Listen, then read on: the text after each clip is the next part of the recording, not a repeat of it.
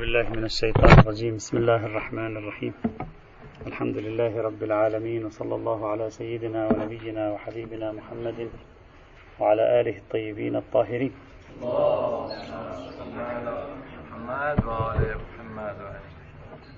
بعض الإخوة آه، طلب بعض الأعزاء طلب توضيح النسبة بين المجموعات الحديثية الثلاثة. لأن النسبة بين المجموعات الحديثية تداخلت فقط أنا في دقيقتين أوضح هذه النسبة التي أجبرتنا على أن نضع مجموعة ثالثة هنا لأنها تؤثر على كيفية تقويم روايات المجموعة الثانية. المجموعة الأولى كانت تقول هذه المجموعة الأولى كانت تقول ما له ما ليس له قشر حرام. كل ما ليس له قشر حرام. هذه كانت المجموعة الأولى. المجموعة الثانية كانت تقول ما ليس له قشر حلال. هذا أولا. وأيضا تضمنت بالصراحة الجري المرماهي الزمار حلال. يعني المجموعة الثانية تحدثت عن أمرين. ما ليس له قشر حلال. الجر المرماه الزمار حلال. يعني صرحت بهما. صرحت بهذه الثلاثة الجر والمرماه والزمار المجموعة الثالثة قالت الجر والمرماه والزمار حرام. الآن أنت انظر إلى نسبة الروايات إلى بعضها. هذه المجموعة تعارض هذه المجموعة في المقطع الأول صحيح؟ وهذه المجموعة نفس الثانية تعارض هذه المجموعة في المقطع الثاني. فإذا صارت هذه المجموعة لها معارضان في الحقيقة المجموعة الأولى والمجموعة الثالثة. المجموعة الأولى من جهة المقطع الأول والمجموعة الثالثة من جهة المقطع الثاني. هذه المجموعة ثلاث روايات صحيحة هذه المجموعة أظن 13 رواية صحيحة وهذه المجموعة لا أذكر الآن. 22 رواية بينها. ليس صحيحة عفوا بعضها صحيح وهذه 22 يمكن أو أكثر أقل لا أدري الآن ناسي. آه، أهم أيضا بعضها صحيح. فإذا نحن سندرس الثلاثة ثم نقيس نسبة هذه المجموعة إلى مجموع المجموعتين. حتى نرى قيمة هذه المجموعة التي تعارضها تقريبا يعني ربما 35 رواية تقريبا مقابل ثلاث روايات. فماذا نفعل في مثل هذه الحال؟ هذا هو الذي يجبرنا. لأننا لو قارنا هذه مع هذه فقط يعني ثلاثة مقابل ثلاثة عشر خاصة هنا فقط أربع روايات صحيحة يمكن النتيجة تكون غير من تقول ثلاث روايات مقابل 35 رواية. يمكن نخرج باستنتاج مختلف أن هذه الروايات مثلا نطرحها. كما سيأتي أن بعضهم طرح هذه المحاولات. سنحللها. صارت واضحة فكرة نسبة المجموعات الثلاث إلى بعضها. چطور توی تقسیم بندی اینجا رو مثل تقسیم بندی حیوانات بقیه حیواناتی که گذشت نیاوردید که اول خب. عناوین عامه رو بس یعنی ملاکات بله. رو بس کنید نه. بعد تو ملاکات خاصه بفهمید مثلا میگم. نه. تو اینجا مالوقش مالایس لوقش بعد بیایم تو جری مارمایی جدا جدا بگیم اینجا تعارض داره بین به قول شما مثلا 50 تا با 3 تا. آه. س- سيأتي الجر والمرماه والزمار والزهو وكذا سيأتي لوحده. ستأتي بحثه لوحده. نحن هنا فقط نذكر مرويات هذه الروايات لأن إج... لأن إج... ال- المجموعة الثانية يسأله عن الجر يقول له ليس بحرام وكل سمك ليس له ق... دومش. نعم. يعني هذه الروايات مج... جزئيها مندمج مع بعضه يعارض في وقت واحد المجموعة. بينما هناك في الطيور لم يكن عندنا هكذا. الطيور هذا الطير عندنا روايات الحرمة المطلقة وعندنا الروايات الموردية. فقط كان في رواية واحدة هناك تعارض القاعدة الكلية إذا تذكرون في الطير. وفي السباع كان في رواية واحدة أيضا تعارض فقط. وقلنا نبحثها في آخر لكن نظرا أنه هنا ثلاث روايات وأساسية في موضوع البحث. هنا بحثوها فلذلك نفعل هذا. نعم ما ليس له قشر. نحن نبحث الآن بحثه الأول ما ليس له قشر. اگر مثلا حرف که اینها نباید با اون یکی اون تعارض کنه. اگر اونها رو بیارید توی عنوان جدی و مارمادی و اینها. بفهمید که عنوان هذه تعارض هذه شيخنا. دومین. ليس تعارضه بالتخصيص بالمباشرة. لأن هذا يصرح باسم الجري وهذا يقول جري حلال. هذا تخصيص باشه از عنوان کلیه که أي عنوان كلي لا لا لا. نحن هذا لا يريد أن يخصص هذا. ليس هذه مشكلتنا. إذا كان هذا فقط مشتمل على المقطع الأول لا نأتي بهذا ما لنا علاقة فيه. المشكلة أن هذه الرواية اشتملت على خطابين خطاب كلي وخطاب جزئي. في خطابها الكلي تعارض هذه المجموعة في خطابها الجزئي تعارض هذه المجموعة. يعني نفس هذه الروايات هي تعاني من معارضة 35 رواية تقريبا. هذا هو الذي حصل. ليست معارضة عموم وخصوص لو معارضة عموم وخصوص ما كنا مضطرين لهذا كله.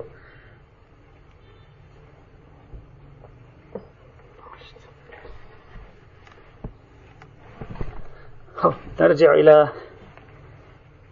المجموعة الثالثة التي شرعنا بها بالأمس. وذكرنا منها صحيحة سماعة ابن مهران وصلنا إلى الرواية الثانية. خبر حبابة الوالبية. هذه الآن نحن في المجموعة الثالثة التي تحرم العناوين الثلاثة. ليس النصوص نعم النصوص الحديثية الواردة في الثلاثة فقط ليس في كل عنوان خاصة في هذه الثلاثة أو الأربعة هي التي وردت في المجموعة الثانية فقط. خبر حبابة الوالبية قالت رأيت أمير المؤمنين عليه السلام في شرطة الخميس ومعه درة لها سبابتان. يضرب درة. يضرب بها بياعي الجر والمارماهي والزمار. ويقول لهم يا بياعي مسوخ بني إسرائيل وجند بني مروان. فقام إليه فرات بن أحنف فقال يا أمير المؤمنين وما جند بني مروان؟ أن لا هذا فرات بن أحنف كان جالس لما مر الإمام علي أو سووا جلسة في, أو سووا قعدة بالسوق أنه قام إليه هذه قام إليه مثل خطيب يقوم إليه. فقام إليه فرات بن أحنف فقال يا أمير المؤمنين وما جند بني مروان؟ اسم مسوخ بني إسرائيل فهمناها. جند بني مروان من هم هؤلاء؟ قال فقال له أقوام حلقوا اللحى وفتلوا الشوارب فمسخوا إلى آخر. طبعا هذه رواية طويلة الآن سأتكلم عنها. وهذه الرواية يرويها لنا الشيخ الكليني في كتاب الكافي ويرويها لنا الشيخ الصدوق في كتاب كمال الدين. الحديث يدل على حرمة بيع هذه الأشياء ولا معنى لحرمة بيعها إلى حد الضرب يضربهم إلا أن تكون محرمة الأكل. هذا تقريب الاستدلال بهذا الحديث. طبعا لماذا يعني أتى ب أقول أقول ربما يعني هؤلاء مسخوا على شكل الجري لأنه يقول لهم أنتم تبيعون مسوخ بني إسرائيل وجند بني مروان. يعني كأن الجري والمرماهي والزمار هذه مسوخ كأنها مسوخ. وجزء منها مسوخ بني إسرائيل كانت وجزء منها مسوخ بني مروان. فتتناسب مع الجري بالخصوص أكثر شيء. يتناسب مع كلمة حليق اللحية ويفتل الشوارب لأن الجري الجري هو هو سمك آه، فمه أشبه بالهكذا يعني ليس مثل فم السمك آه، لا أدري كيف أصف آه، يعني كأنما هو مستطيل فمه وله مثل الشوارب يعني. له مثل الشوارب طويلة. نعم. لا أدري بالفارسية لكن بالإنجليزية أعتقد حتى يشبه القطة هو لأن له, له. لذلك في الإنجليزية أظن أن اسمه كاتفيش أعتقد هو هذا. نعم. آه هو نفسه. أحسنتم.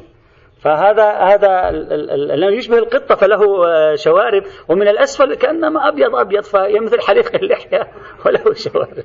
فأعتقد يعني ربما أقول لعل هذا الربط ما بين الجر وبين حلق حلق حلق اللحية ربما يكون منشأ أن هؤلاء مسخوا فكأنما يعني آه، أثر ما مسخوا عليه ما زال موجودا في الحيوان ربما مثلا. وبالتالي أعتقد ذلك لا أدري. ربما يكون هذا له شيء لأنه فعلا إذا ترى صورة الجري بالخصوص سترى بشكل واضح أنه فعلا يعني له مثل الشوارب الطويلة التي يعني هذا تعبير فتل الشوارب يعني بهذا المعنى يفتل شواربه. كما في بعض البلدان هكذا عندهم. على يد هذه الرواية الثانية. نريد أن نتوقف قليلا عند هذه الرواية. أولا هذه الرواية ضعيفة الإسناد بعدد من المجاهيل. أحمد بن القاسم العجلي محمد بن إسماعيل بن موسى أحمد بن يحيى المعروف بكرد أو ببرد محمد بن خداهي وغير هؤلاء أيضا. ولذلك عبر عنها السيد الخوئي آه، في معجم رجال الحديث كان أشار إليها ضمنيا سريعا في بحث ما قال أكثر رواتها مجاهيل.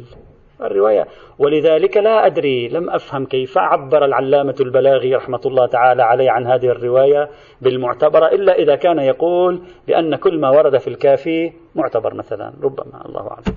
فيبدو غريبا أن تصنف بالمعتبرة يعني أربع خمس رواة فيهم مشكلة. هذا أولا. ثانيا في النفس شيء من هذه الرواية. يعني ثمة أسئلة حول هذه الرواية أرجو أن نلتفت إليها جيدا. أولا عنوان جند بني مروان أن هناك قوم اسمهم جند بني مروان مسخوا. جند بني مروان كلمة عربية بني مروان كلمة عربية يعني هؤلاء عرب. إلا إذا كانت الكلمة مترجمة ترجمة معينة عن أمة غير عربية. ولا يوجد في أمة العرب من مسخ أو جعل كذلك أو يعرف عنه. ولذلك حتى أحنف فرات بن الأحنف سأله وما جند بني مروان؟ يعني كأنما شيء غريب.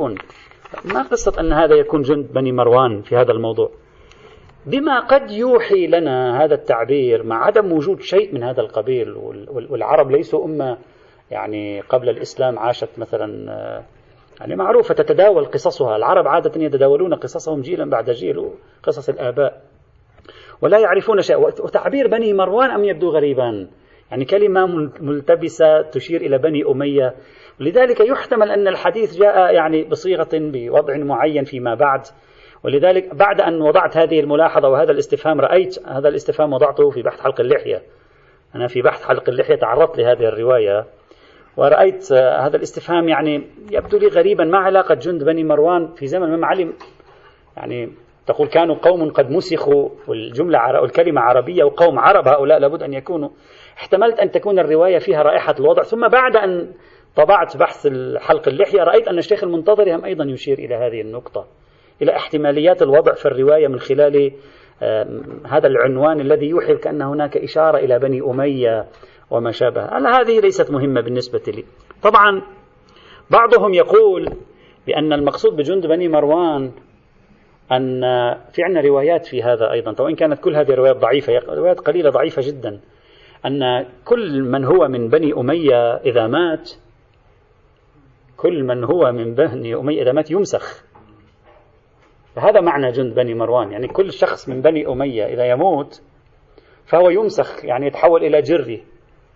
فيعني هكذا بهذا المعنى. طبعا روايات ضعيفة وتشبه عقائد الهنود بعض عقائد الهندوسية الذين يقولون بنظرية المسخ وأن الإنسان تبعا لأعماله يمكن أن ينشأ في النشأة الثانية فإذا كان سيئا ينشأ نشأة حيوانية وإذا كان صالحا ينشأ نشأة إنسانية أفضل وهكذا. فتبدو غريبة والروايات هذه تلك ضعيفة لا نريد أن يعني نتوقف عندها وقد يعني عول على هذا التفسير الشيخ محمد رضا الطبسي النجفي عنده كتاب أو رسالة اسمها المنية في حكم الشارب واللحية. أو المنية في حكم الشارب واللحية. على أي حال. هذا الموضوع ليس مهما عندي كثيرا. الموضوع الأكثر أهمية هو الجانب الذي لم نقرأه في هذه الرواية لأننا لا نريد أن نطيل. هذه الرواية عن حباب الوالبية. من هي حباب الوالبية؟ المعروفة بأم الندى. نسبة إلى والبة من بني أسد وهي من بني أسد من العرب.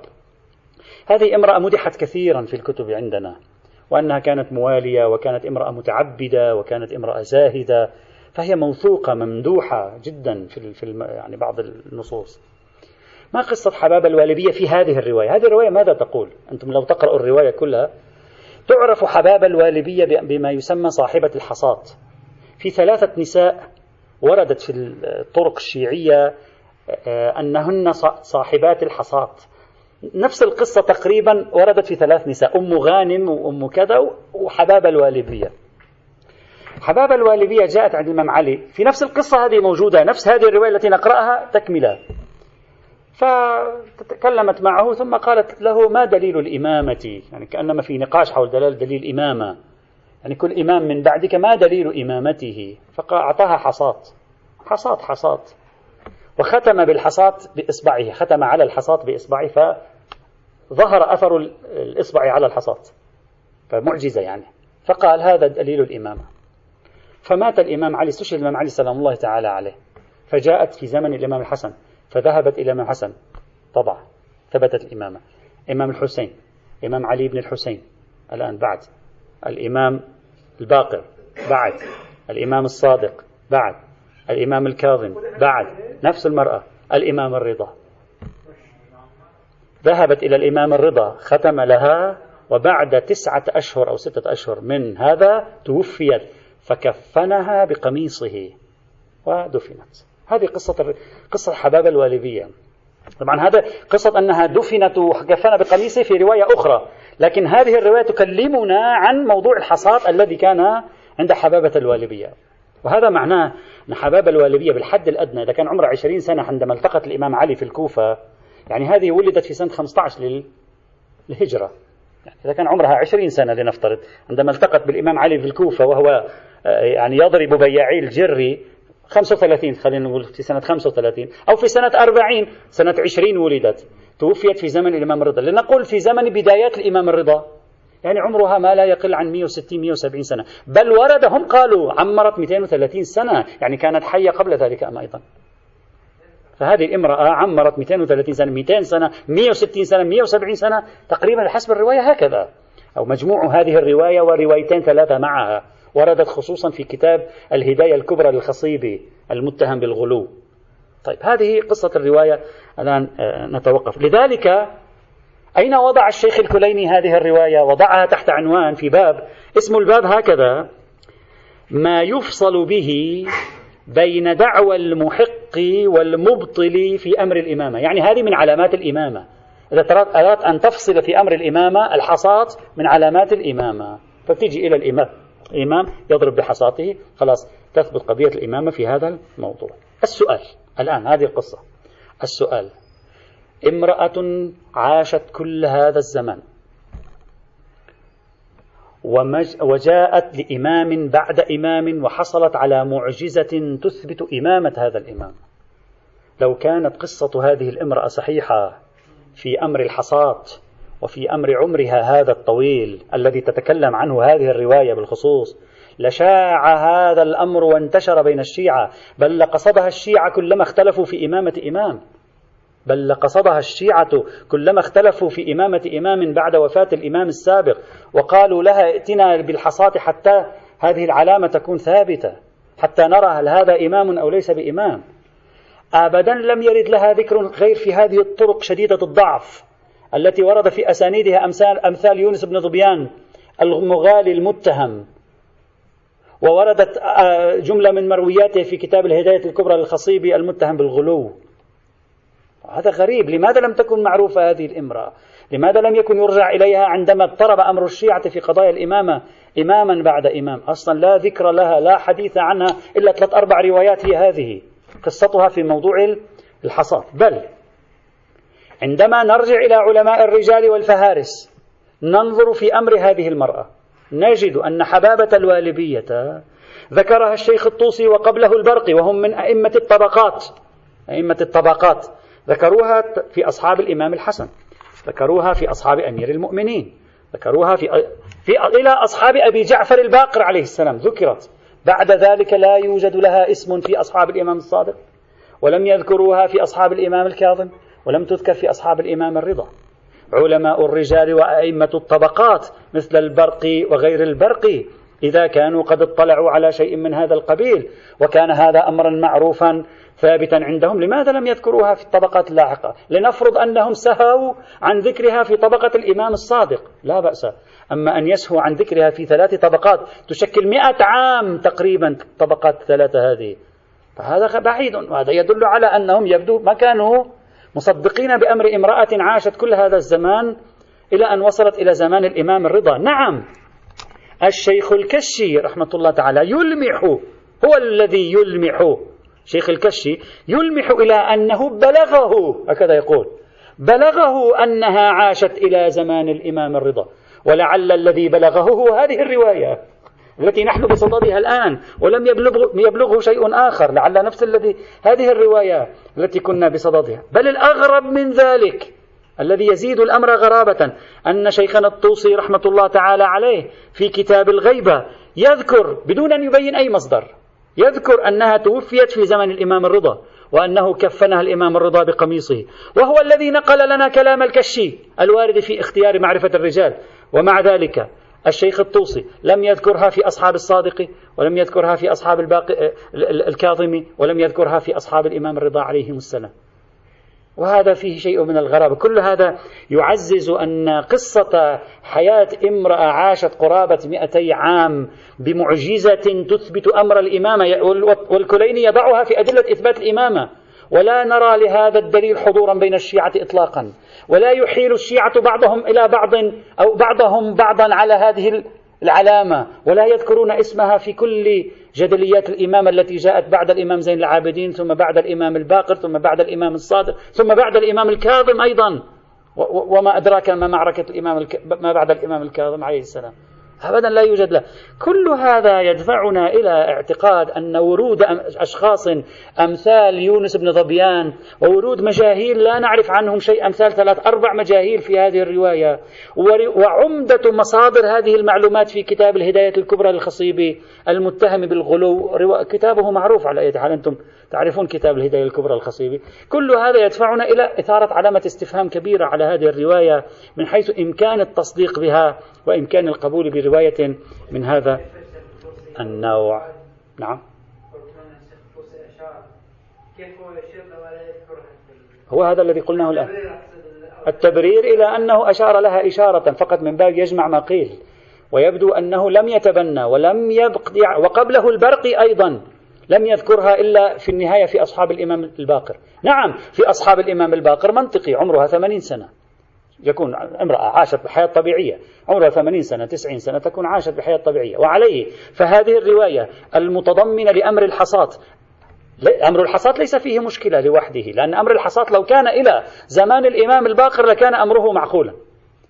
لأن الشيعة لم يتجادلوا في قضية إثبات الإمامة إماما بعد إمام في, في زمن الإمام الباقر كثيرا. يعني هي المعركة الأساسية كانت يعني ربما في في, في الإمام الباقر بدايات معارك الإمامة بين الشيعة. فقد لا يكون أمر الحصاة يستطيع. أما بعد ذلك ويغيب أمر الحصاة هذه وهي امرأة على المفروض أنها معروفة وأن هذا شيء يعني يعطي الإنسان تساؤلات تاريخية نقدية يمكن أن يضعنا أمام علامات استفهام خاصة وأن المصادر العمدة هنا كلها ترجع اللي هي عبارة عن الهداية للخصيبي وطرق يونس بن ظبيان والرواة الذين روى عنهم الكليني هنا تثير علامة استفهام في هذا الموضوع حينئذ نعم توفيت لا توجد علامات أخرى لا أدري تقصدون عن الحجر يعني؟ نه منظور که اگر این تایید ائمه است خب تا امام رضا تایید شد بقیه‌اش تایید نشد. لا هذه من علامات الإمامة. يعني هذه واحدة من العلامات وتوجد علامات أخرى يمكن أن يرجعوا إلى العلامات الأخرى حينئذ. لكن كون هذه المرأة أنت تصور معي امرأة أنت الآن يوم تصور معي امرأة شخصا يعيش منذ 200 سنة هذا كنز معلومات هذا. هذا كنز معلومات. يمكن أن يعطيك معلومات عن عصر الإمام الحسين وعن عصر كذا وعن عصر ولا أحد جاء سألها ولا يوجد روايات عنها. ثلاث أربع روايات فقط.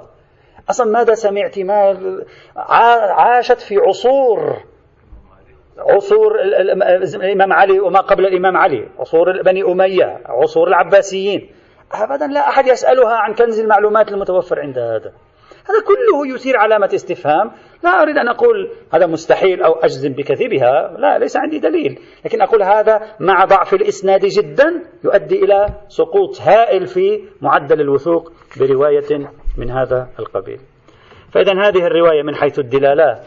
لا بأس بها وإن كان يوجد احتمال في دلالتها يمكن مناقشته وهو أن النهي عن بيع الجر والمرماه والزمار يمكن أن يكون مرجعه للنهي عن قتلها لا للنهي عن أكلها.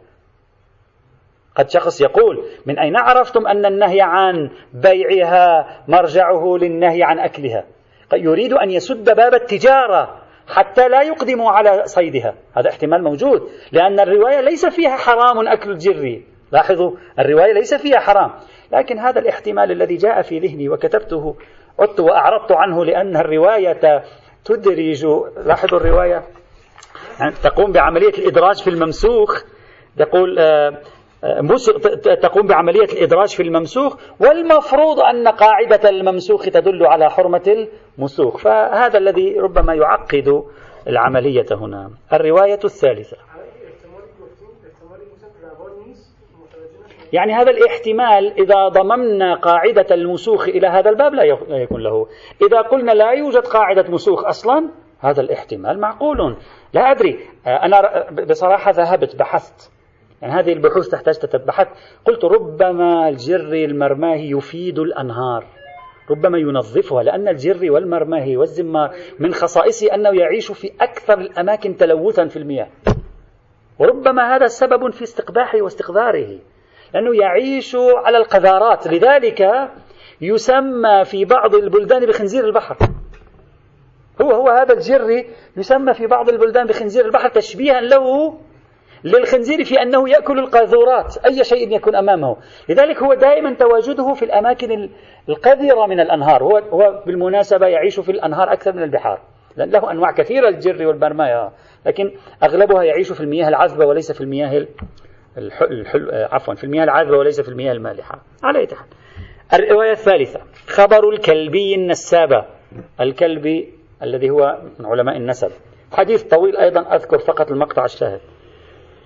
الكلبي النسابة هذا في نزاع تحدثنا عن هذا النزاع في في بحث شمول الشريعة إذا تذكرون. في نزاع بين الحسنيين والحسينيين.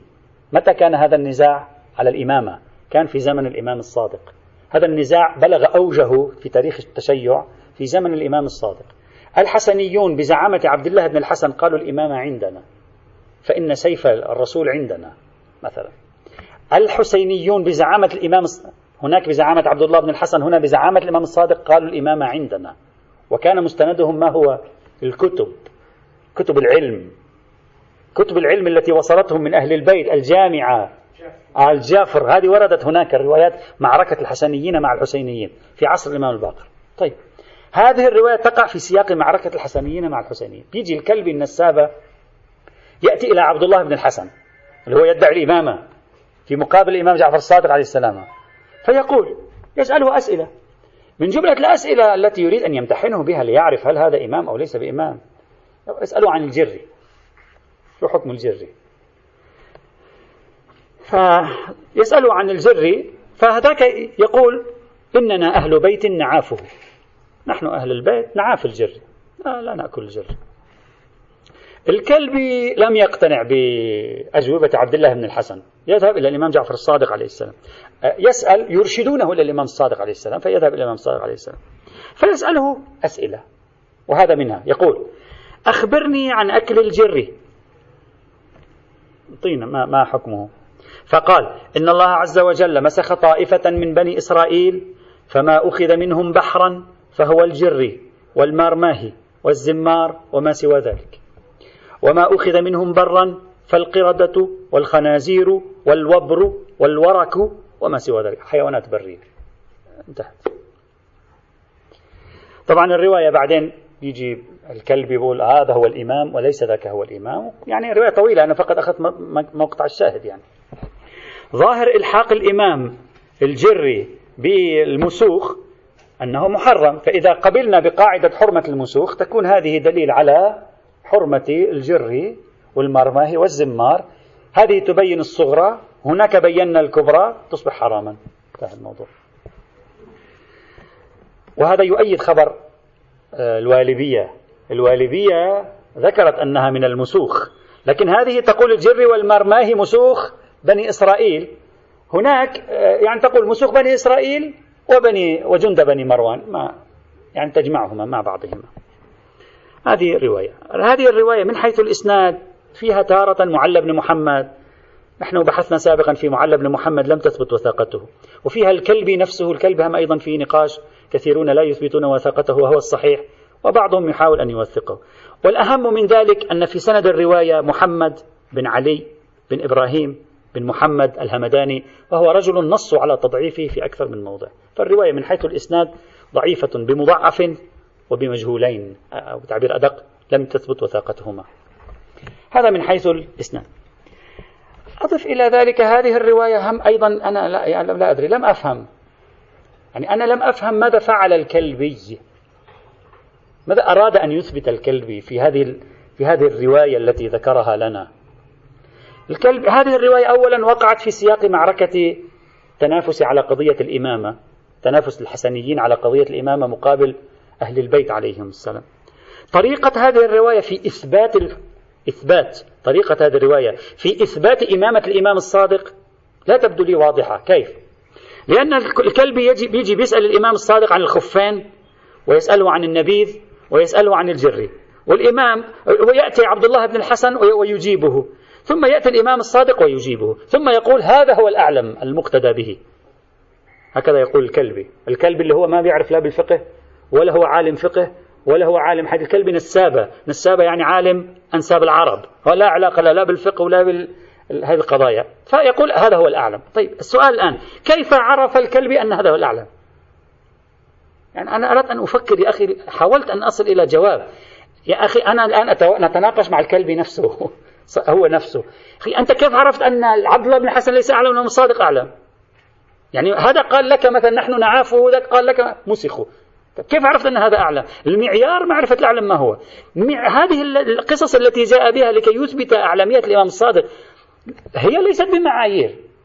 يعني خرج للناس وقال لهم أيها الناس ثبتت إمامة الإمام الصادق. دليلك لقد قال لي إن الجري كان مسخا أي هو دليل؟ دعوة هذه. لا يوجد دليل. فلا بد فلا بد أن يكون مركوزا في ذهن الكلب صحت هذه المعلومات من قبل. يعني مركوز بين الناس. الكلب ليس متخصص في الفقه والشريعة. مركوز بين الناس. إذا كان مركوز بين الناس أن هذه صحيحة وتلك خاطئة هل تأتي أنت وتسأل عن الإمامة فتسأل أسئلة يعرفها الناس؟ ليس منطقي. لا يبدو لا ما أفهم يعني حاولت أن أفهم ماذا يريد الكلبي هنا أن يثبت لنا بواسطة أسئلة أجوبتها ليس لها ما نحتكم إليه. يعني إجا الإمام الصادق مثلا قال زيد مثلا جد جده قبل ألفي عام اسمه طارخ أو طارخ. وعمر جد جده اسمه سعيد قبل ألفي عام. وإجا واحد ثاني قال لا ذاك اسمه أحمد وذاك اسمه محمد. أنت كيف تعرف من هو الصادق والكاذب؟ يعني ما الآلية للمعرفة حتى تجعل أنت هذا النص معيار معرفة الإمامة؟ وبالتالي لا. لا الآن السائل نفسه أن نتكلم. فلذلك أقول ابتكار هذه الرواية آه، ممكن تكون حينئذ موضوعة من خلال هذا الهمدان المضعف الذي نصوا على تضعيفه وكذبه. يعني يريد في زمن لاحق أن ينسب إلى أصحاب العصر الإمام الصادق أنهم أدركوا إمامة الإمام الصادق بواسطة هذه الحوارات. مع أن هذه الحوارات في حد نفسها في زمن الإمام الصادق لا ترجع إلى إثبات في هذا الموضوع.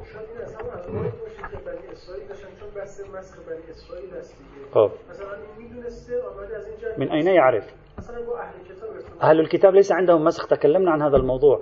لا يوجد في ال ال ال ال الكتاب المقدس لا توجد عندهم ثقافة أن هناك حيوانات ممسوخة. هذا المسخ ليس وقصة أصحاب السبت لا وجود لها في في التوراة. ولا في العهد القديم. وبعضهم كتب مقالات متأخرا حاول أن يستخرج قصة أصحاب السبت من إشارات ولكنها إشارات لا تدل على شيء. ما موجود عندهم هذه القصة اللي هي رمز فكرة المسخ عندنا في القرآن الكريم فيما يتعلق بني إسرائيل. ليست واضحة. أقول أنا عندما أناقش لا أقول قطعا إذا هذا كذاب. لا لا أقول كذاب. لكن ربما خفي علينا بعض الملابسات لم ينقلها لنا. ممكن. لكن أقول هذه تعطينا أسئلة أنه ممكن تكون هذه مختلقات صنعت في سياق تنافس طائفي. وبالتالي علينا أن نضع علامة استفهام عليها خاصة وأن الراوي رجل مضاعف. لو كانت رواية صحيحة يمكن أن نقول محتمل احتمالات ممكن أن نقول لعله تجي اللعلات.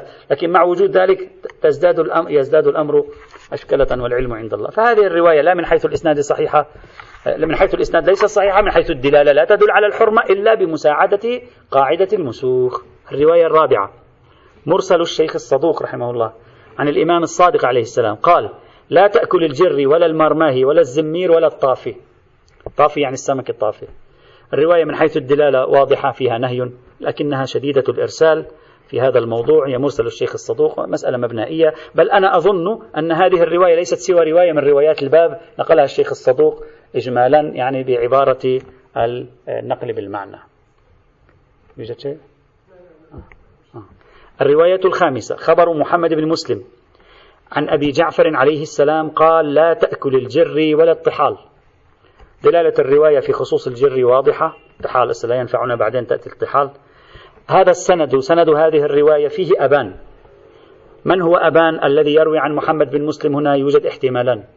احتمال الأول أبان بن عثمان فإذا كان أبان بن عثمان فالرواية صحيحة. والاحتمال الثاني أبان بن تغلب وإذا كان أبان بن تغلب فطريق الشيخ الصدوق إلى أبان بن تغلب لم يثبت يعني على التحقيق. لأن في هذا الطريق شخص اسمه أبو علي صاحب الكلل وهو رجل مجهول. فإذا كان أبان هنا هو أبان بن عثمان طريق الشيخ الصدوق إليه صحيح فالرواية تامة لأن أبان بن عثمان ومحمد بن مسلم ثقة فالرواية من حيث الإسناد تامة. إذا كان أبان بن تغلب أبان بن تغلب ثقة ومحمد بن مسلم ثقة لكن طريق الشيخ الصدوق إلى أبان بن تغلب فيه مناقشة. والأرجح والعلم عند الله أنه أبان بن عثمان. فإن أبان بن عثمان هو الذي وردت عنه روايات يروي فيها عن محمد بن مسلم. أما أبان بن تغلب فيبدو لا يروي عن محمد بن مسلم. فالأرجح إلى حد قريب جدا من الاطمئنان أن تكون الرواية من حيث الإسناد معتبرة. الرواية السادسة خبر حبابة الوالبية الآخر. عندها خبر ثاني أيضا. قال سمعت مولاي أمير المؤمنين عليه السلام يقول إنا أهل بيت لا نشرب الخمر ولا نأكل الجر ولا نمسح على الخفين فمن كان من شيعتنا فليقتدي بنا وليستنى بسنتنا.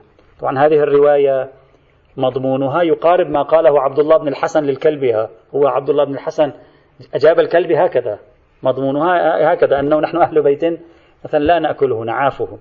هذه الرواية للوهلة الأولى قد تقول لي أنت هذا لا يدل على شيء. قد يكون مكروه. هو يقول نحن أهل بيت لا نشرب الخمر لا نأكل الجري لا نمسح الخفين. قد تقول لي هو, هو لا هم لا يفعلون ذلك. يتنزهون عن مثل ذلك لا ي...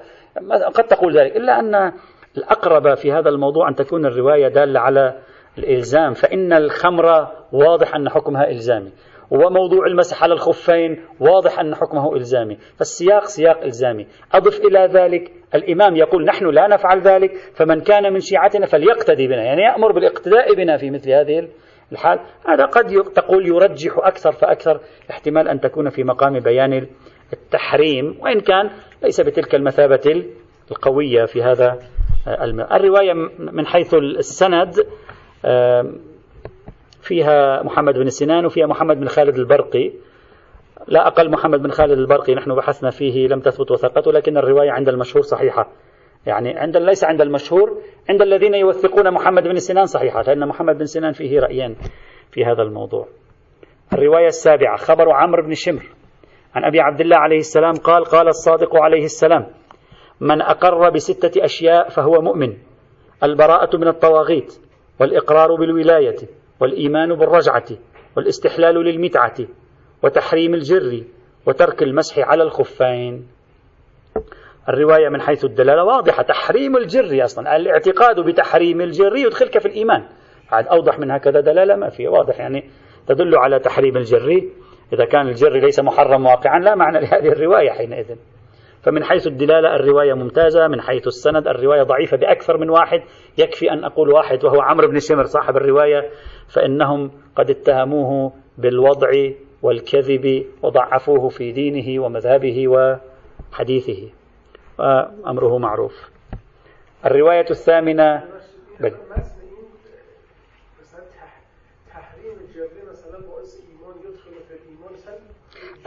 أنا أنا أعتقد أنه قضية يدخل في الإيمان ليس المراد يدخل في الإيمان بمعنى القضية الاعتقادية. يميزك عن السنة. يميزك عن السنة. نعم حالة شعارية. نعم نعم جري حلال عند أهل السنة المعروف بينهم. عند أهل مثلا موضوع الإقرار بالولاية واضح. من متميزات الشيعة عن السنة. الإيمان بالرجعة هم أيضا واضح. آه الاستحلال للمتعة هم أيضا واضح. ترك المسح على الخفين هم أيضا واضح. فواضح مقصوده من الولاية هنا يعني يعني هذه معالم التشيع. فمن يحرم الجري هو يعني يلتزم بمعلم من معالم التشيع الذي به يمتاز. لا أنه يريد أن يقول تحريم الجري أهم من الصلاة. لا لا ليس يقصد هكذا. يعني هذا المعنى.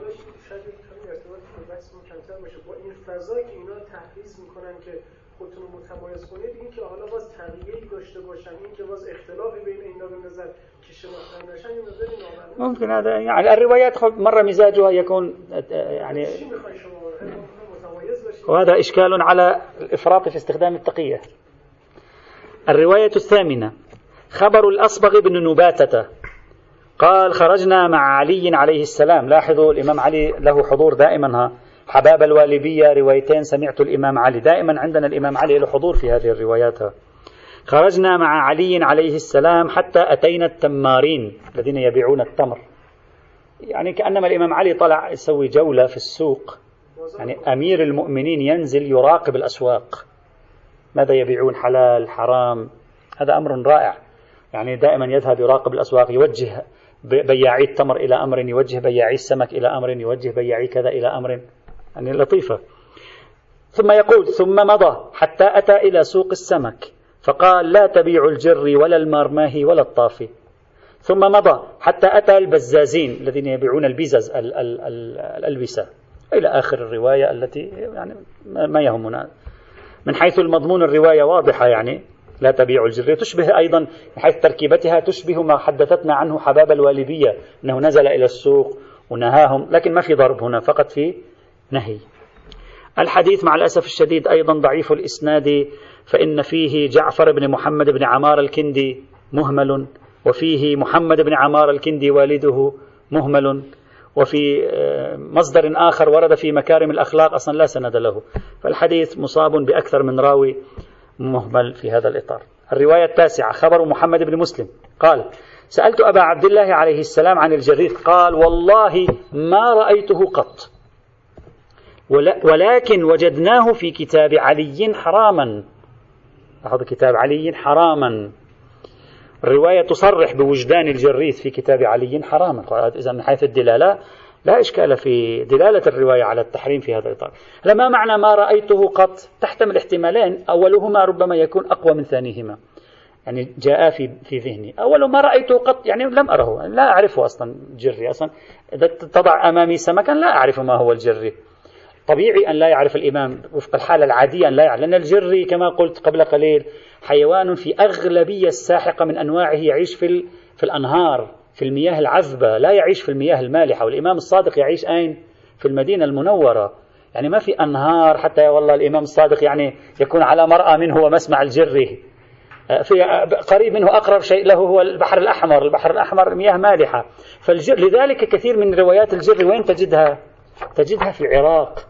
في الإمام علي في العراق. ربما هذا يساعدنا على إقحام موضوع كتاب علي ولماذا الإمام علي دائما على الخط في الموضوع لأن الإمام علي ابتلي بهذا الموضوع. الإمام علي في الحقيقة ابتلي بهذا الموضوع. إذ هو الإمام الأساسي الذي كان موجودا في وهو سمك الجر متداول موجود في الأنهار ونهر دجلة والفرات مليء بأنواع الأسماك هذه بأحجامها المختلفة بعضه كبير وبعضه أيضا صغير. فيقول الإمام لم أره قط طبيعي لم يره. واحتمل يكون لم أره قط يعني هذا حيوان أصلا نحن لا نقرب منه. يعني قد يكون يريد أن يعزز الحرمة أكثر أيضا. لا نقرب منه ممكن. لكن الاحتمال الأول في تقديري أقوى من الاحتمال الثاني. هذه الرواية من حيث الإسناد فيها محمد بن خالد. محمد بن خالد يحتمل أن يكون البرقي ويحتمل أن يكون الأشعري. إذا كان الأشعري كما هو الأرجح فهو مجهول. وإذا كان البرقي فبعض فكثيرون وثقوا البرقي فتكون الرواية عندهم معتبرة.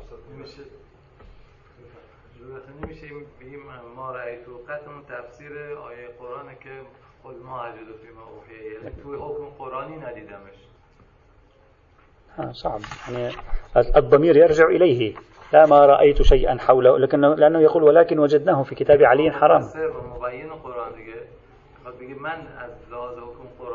ممكن لكن ما أدري بعيد أنا أقول ما رأيته قط يعني ما هذا السمك لا لا أعرفه بصراحة حتى أعطيك يعني حكمه ما هي لكن أنا الذي أعرف أن هذا العنوان موجود في كتاب علي وبالتالي هو حرام. يعني هذا الذي بل.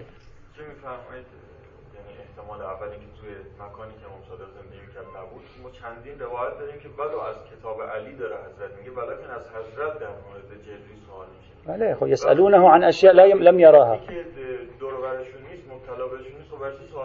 لا الذين هذه طبعا هذا إذا لم يكن مبتلين به في المدينة فلماذا يسألون هذا يفتح على سؤال كلي طرحه بعض السلفية في عصرنا ونحن تعرضنا له لا أدري أين نسيت في بعض الدروس في نقد في نقد النقد السلفي على الحديث عند الشيعة أصلا نحن أغلب الرواة عندنا من أين؟ من العراق.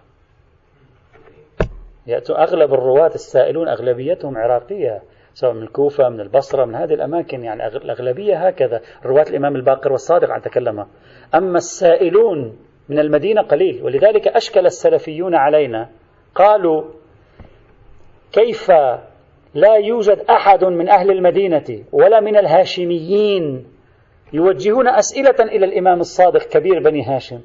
وكل السائلين يأتون من العراق يوجهون. متى التقوا به؟ حتى يأخذوا كل هذه الأجوبة.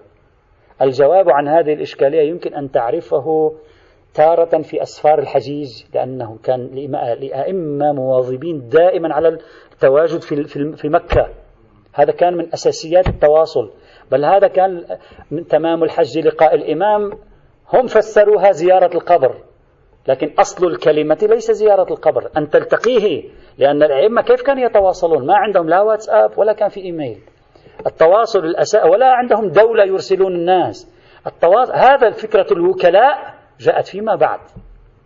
فكرة الوكلاء وصار عندهم ممثلين في الأطراف. هذه جاءت في عصر الإمام الكاظم فما بعد. ولا في عصر الإمام الصادق كانت في يعني خفيفة جدا. فكان أفضل طريقة يلتقي الشيعة فيها بالأئمة يأخذون توجيهات سياسية اجتماعية ترتيب أمور حل خلافات آه، أشياء من هذا القبيل توجيه الأسئلة إليه إعطاء الأجوبة لهم. كان موسم الحج هو الأساسي وأسفارهم في حج في حج في العمرة. فكانوا يذهبون إلى المدينة يلتقون. لذلك أنت تجد في كثير من الروايات دخلت المدينة فذهبت إليه فسألته إلى آخره. فالسائلون أغلبهم عراقيين.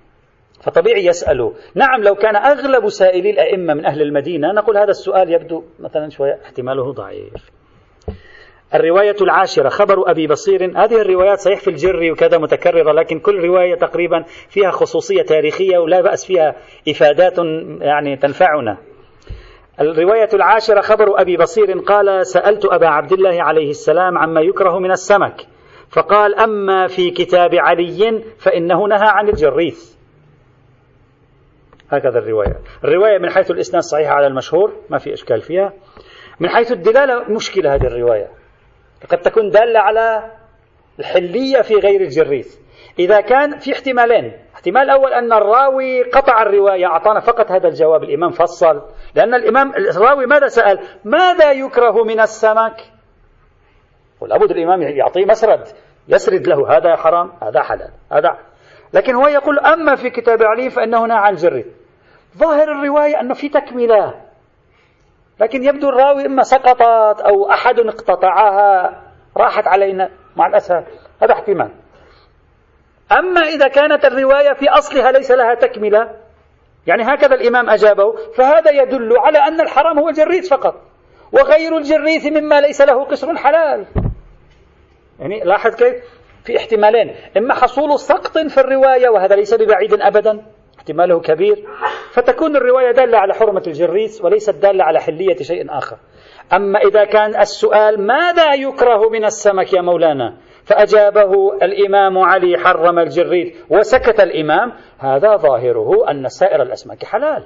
إلا إذا شخص قال الإمام له أن يجيب بنصف الجواب وله النصف الثاني أن لا يجيب هذا يمكن بحث آخر. فإذا الرواية ستصبح على الاحتمال الثاني مساعدة لتحليل ما ليس له قشر وليس لتحريم ما ليس له قشر حينئذ. نعم في الجر تدل على الحرمة في هذا الإطار. على حال الرواية الحادية عشر نقرأها أخيرا اليوم. خبر سمرة بن أبي سعيد أو خبر سمرة عن أبي سعيد. قال خرج أمير المؤمنين على بغلة رسول الله صلى الله عليه وعلى آله وسلم فخرجنا معه نمشي. حتى انتهى إلى موضع أصحاب السمك فجمعهم. ثم قال تدرون لأي شيء جمعتكم؟ قالوا لا. قال لا تشتروا الجريث ولا المرماه ولا الطافي على الماء ولا تبيعوه.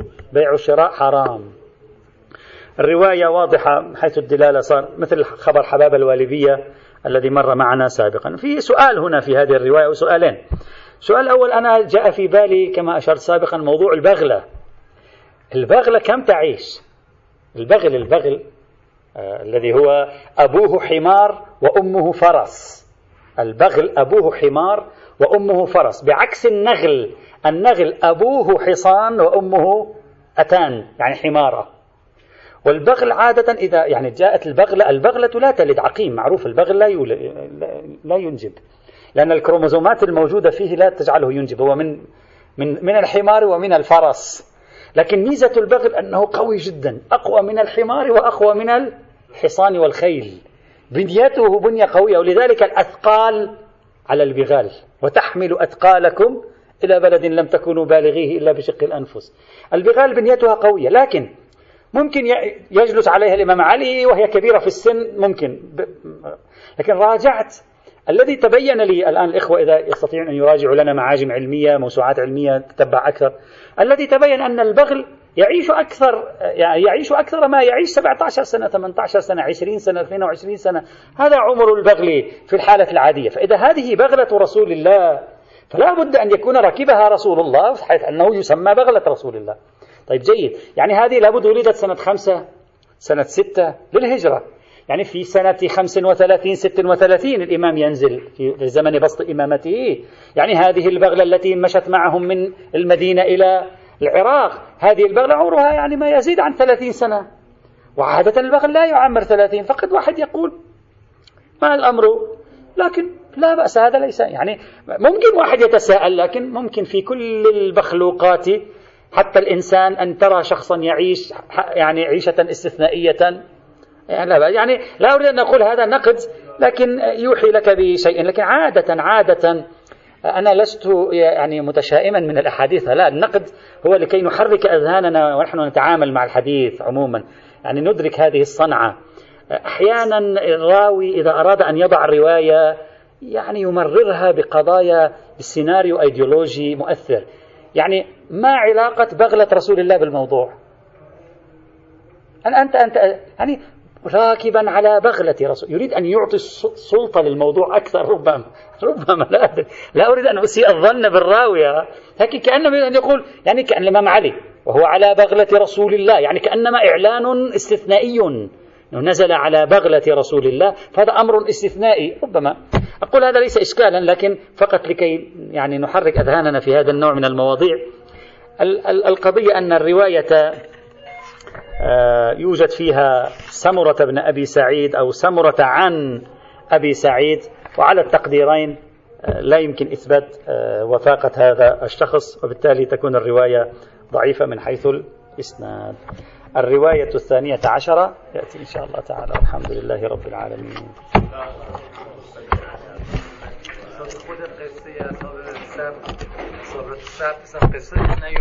نه نه أصلا.